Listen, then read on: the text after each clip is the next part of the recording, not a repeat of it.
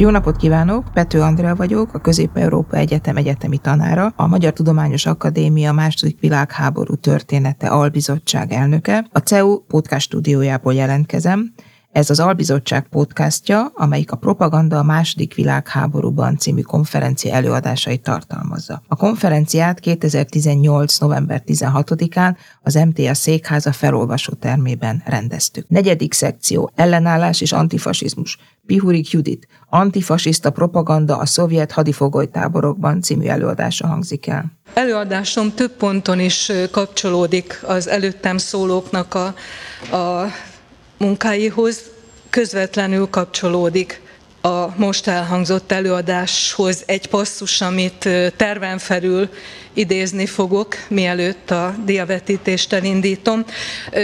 Kire vonatkozhat a következő mondat? Ez a nemes tette azt bizonyította, hogy mennyire tiszteletben tartja más népek szabadság iránti mozgalmát. Találós kérdés, Stálinra.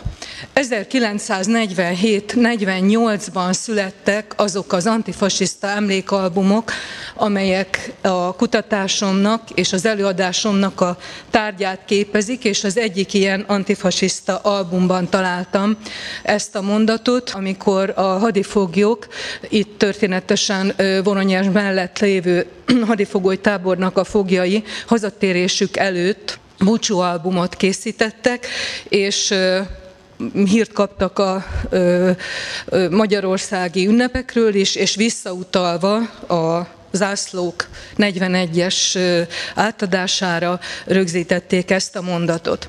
A másik pont, amivel kapcsolódik az előttem szólóhoz az előadásom, hogyha letakarható lett volna itt a név, akkor vajon rögtön felismerték volna-e, hogy kit ábrázol ez a rajz?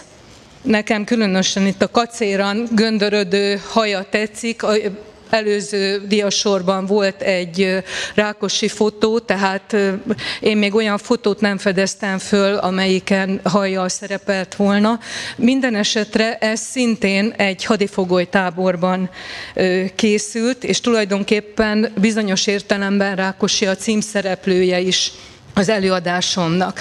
Én antikarikatúrának neveztem el ezt a rajzot, egyébként nem egyedül áll ebben a bizonyos másik hadifogoly naplóban, hanem Molotovnak és Stalinnak a hasonló módon idealizált ábrázolásával, és Hát a béke őreként, és Rákosi pedig elsősorban a hadifoglyoknak a jótevőjeként tűnik fel ezekben a munkákban a moszkvai oroszországi állami katonai levéltárban található az a körülbelül száz album, azért mondom így, mert van más műfajú írás is közöttük, de minden esetre ennek a, a irategyüttesnek ez az elnevezése, és mint mondtam, hazatérésük előtt az antifasiszta átképzés bizonyítékaként kellett ezeket a tematizált búcsúalbumokat elkészíteniük a hadifoglyoknak.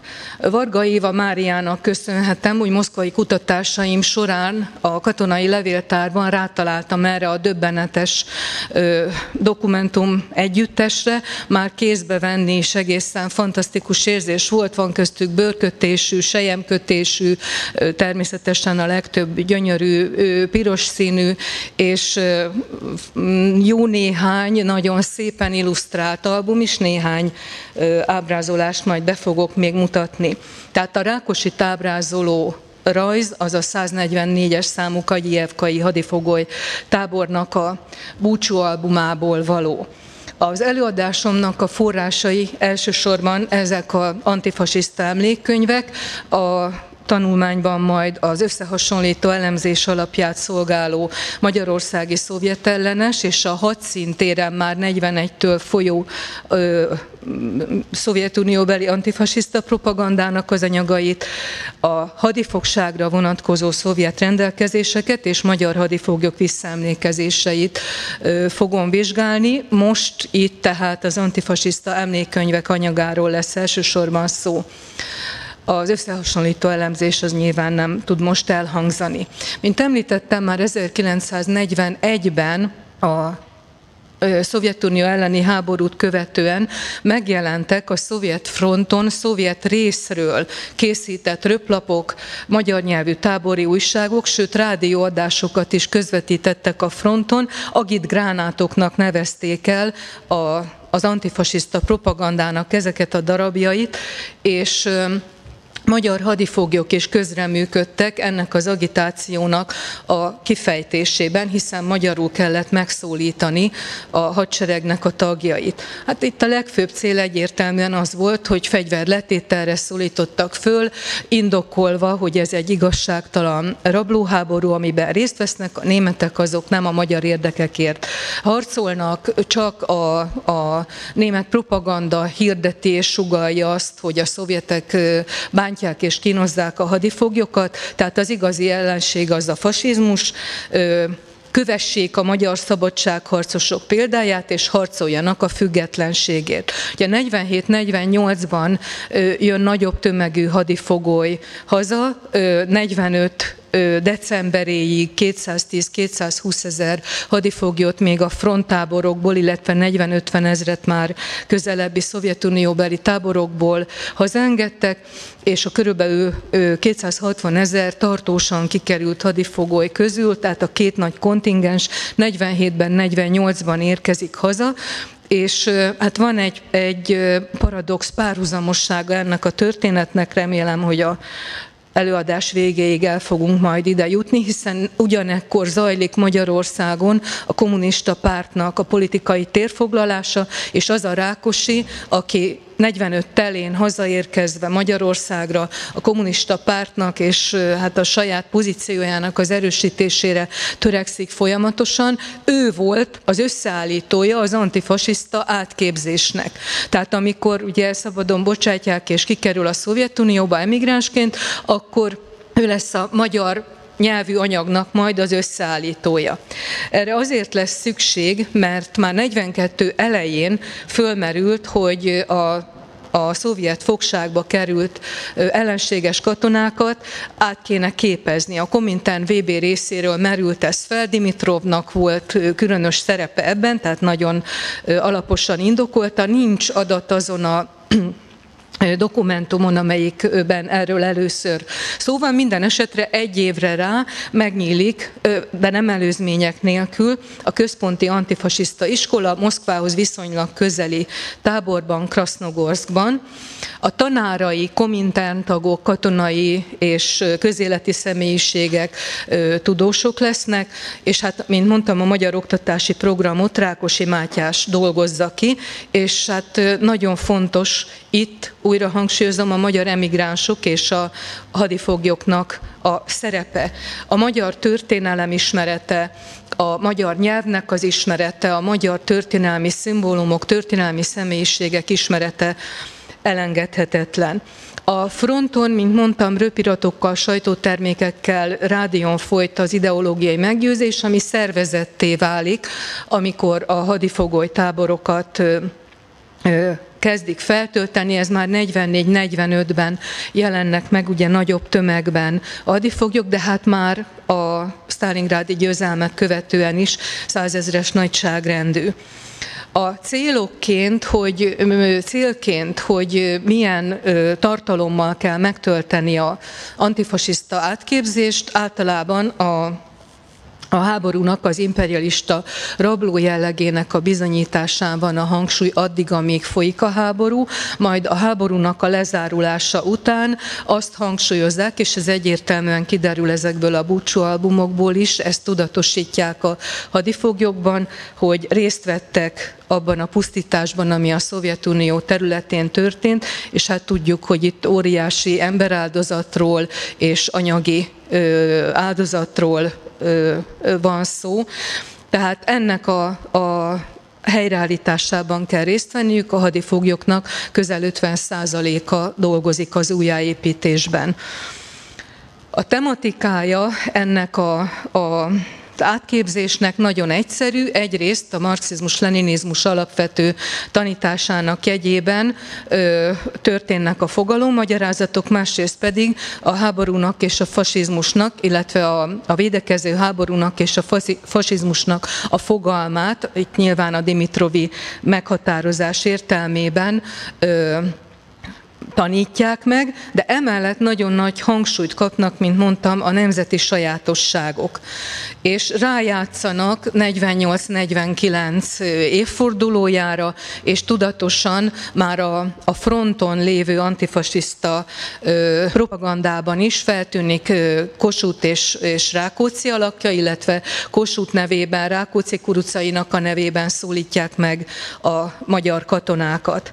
Az Igaz Szó című újság, amit már a táborokban, egyébként több újság ö, van a, a frontokon is, a negyedik ukrán front mellett is, tehát kisebb példányszámú ö, újságok már korábban is léteznek. Ez egy kb. tízezres példányszámú, havonta három-négy alkalommal megjelenő magyar nyelvű újság volt, amit a hadifoglyok között terjesztettek. A táborokban politikai osztályok működtek ennek az antifasiszta átképzésnek az eredményeként. Nyilvánvalóan, ahogy a visszaemlékezésekben is szerepel, az antifák álltak ennek az élén. A klasszikus mm, program volt, tömeggyűlések, politikai előadások, fali újság, hiszen az újság nem jut el mindenkihez, fali újság, de ugyanakkor vezetési, bizalmi, politikai megbízások is voltak Kiemelt ellátásban részesültek legalábbis a, a források egy része szerint, de olvastam olyan hadifogoly visszaemlékezést, amelyben arról írt az illető, hogy ő elvégezte ezt az iskolát, de hát elég sanyarú körülményekről számol be. Ez mindig táborfüggő volt, meg parancsnok függő volt, hogy egy adott területen ö, milyen életlehetőségeik voltak a foglyoknak.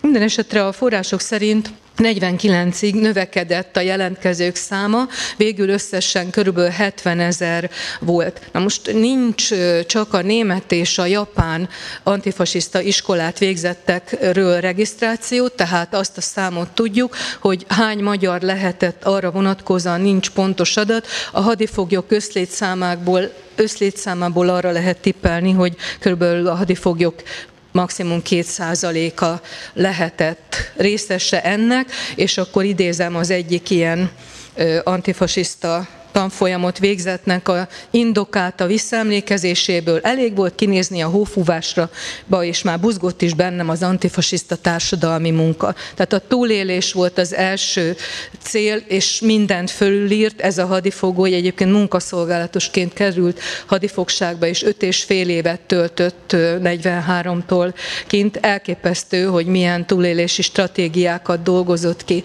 Ez egy ilyen antifasiszta tábori albumnak a, a kezdőlapja, és hát részben ehhez hasonló módon minden táborban volt jó rajztehetséggel megáldott hadifogoly, és egészen eltérő stílusú és tartalmú rajzok vannak, lesz majd még másikra is példa, mint említettem, körülbelül száz ilyen búcsúalbum maradt fenn, és hát a legnagyobb tapasztalat belőlük, hogy hogyan próbálták meg alkalmazni a tanultakat, és hát ékes bizonyítéka, amikor próbálják visszaadni a, a marxista-leninista tanításnak a, a fogalmait, a társadalomelméletet, államelméletet, stb., hogy nem sikerült pontosan megérteni mindent. Viszont, és itt hangsúlyozom újra, hogy Rákosi dolgozta ki az antifasiszta iskola magyar tananyagát, tehát nagyon egyetérthettek abban, hogy szakítani kell az addigi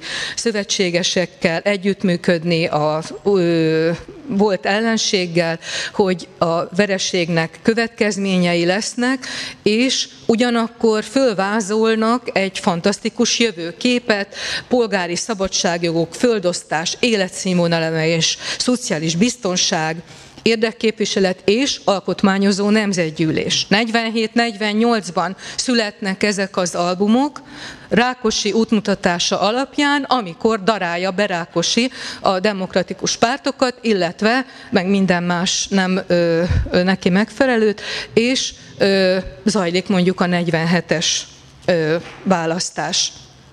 Na most hát nyilvánvaló, hogy amit tapasztaltak a Szovjetunióban, az igen kevéssé hasonlított erre az ígéretes jövőképre. Tehát itt a táborban nem arról volt szó, hogy azt kell adaptálni, amit ott látnak, és akkor majd ugyanolyan rendszert létrehozni Magyarországon. Itt ugyan folyik a kiépítése, de ott erről szó nem volt.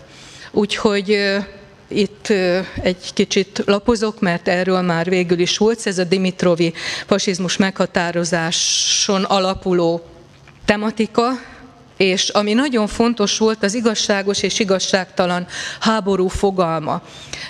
Érdekes módon ezt a visszaemlékezések is tükrözik, hogy a hadifoglyok azért átlátták azt, hogy nem igazán a hazavédelmében voltak ők a szovjet fronton, Nyíltan elítélik természetesen itt a, imperialista háborút, mindenféle módokon és eszközökön próbálják csökkenteni a magyaroknak a felelősségét, a németeket ö, nevezve meg, ö, mint akik a kassai bombázással belevonták a háborúba Magyarországot, meg megjelenik a sváb katonatisztek mítosza is, tehát ö, vannak különböző ö, megközelítések. Ez a jogos volt a második világháború című rész, ez azért érdekes, mert itt a magyar jogrendre hivatkozva és egy dualizmuskori magyar törvényt idézve a jogos önvédelemnek a passzusai alapján írják le, hogy miért jogos a Szovjetuniónak a, a védekezése.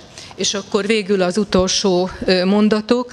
Tehát Rákosi manipulatív módon használja föl a hadifoglyoknak a repatriálását, a saját pártjának és saját magának a, a fényezésére, befolyásának az eredményeként értékeli ezt, és ugye itt a paradox helyzet, hogy ő, mint a foglyok és családtagjaik jótevője, szerepel itthon, de ugyanakkor fasisztának tartotta a horti hadsereg tagjait ekkor is, különösen a tisztek repatriálását akadályozta, csak 48-ban századostól lefelé engedte, hogy illetve nem, de hogy engedett, a szovjetek döntötték el, hogy kitengednek haza, tehát ő ezt szerette volna, és megfigyeltette a hazatérőket, és negatív megkülönböztetés érte őket. Hát hozzátenném, hogy ezzel gyakorlatilag a saját antifasiszta programjáról mond ítéletet, hiszen akkor ő tartja hatástalannak azon program eredményeit, amit ő dolgozott ki.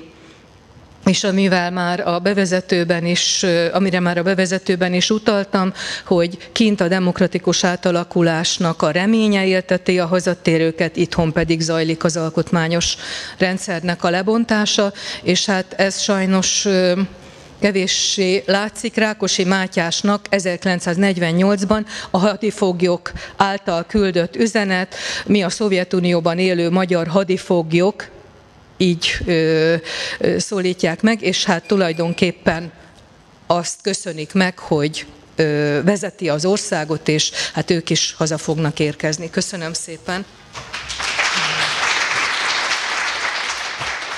Az előadás a Propaganda a második világháborúban című konferencián hangzott el a Magyar Tudományos Akadémia második világháború története albizottság konferenciáján 2018. november 16-án a Magyar Tudományos Akadémia székházában a felolvasóteremben. Köszönjük a figyelmet! thank you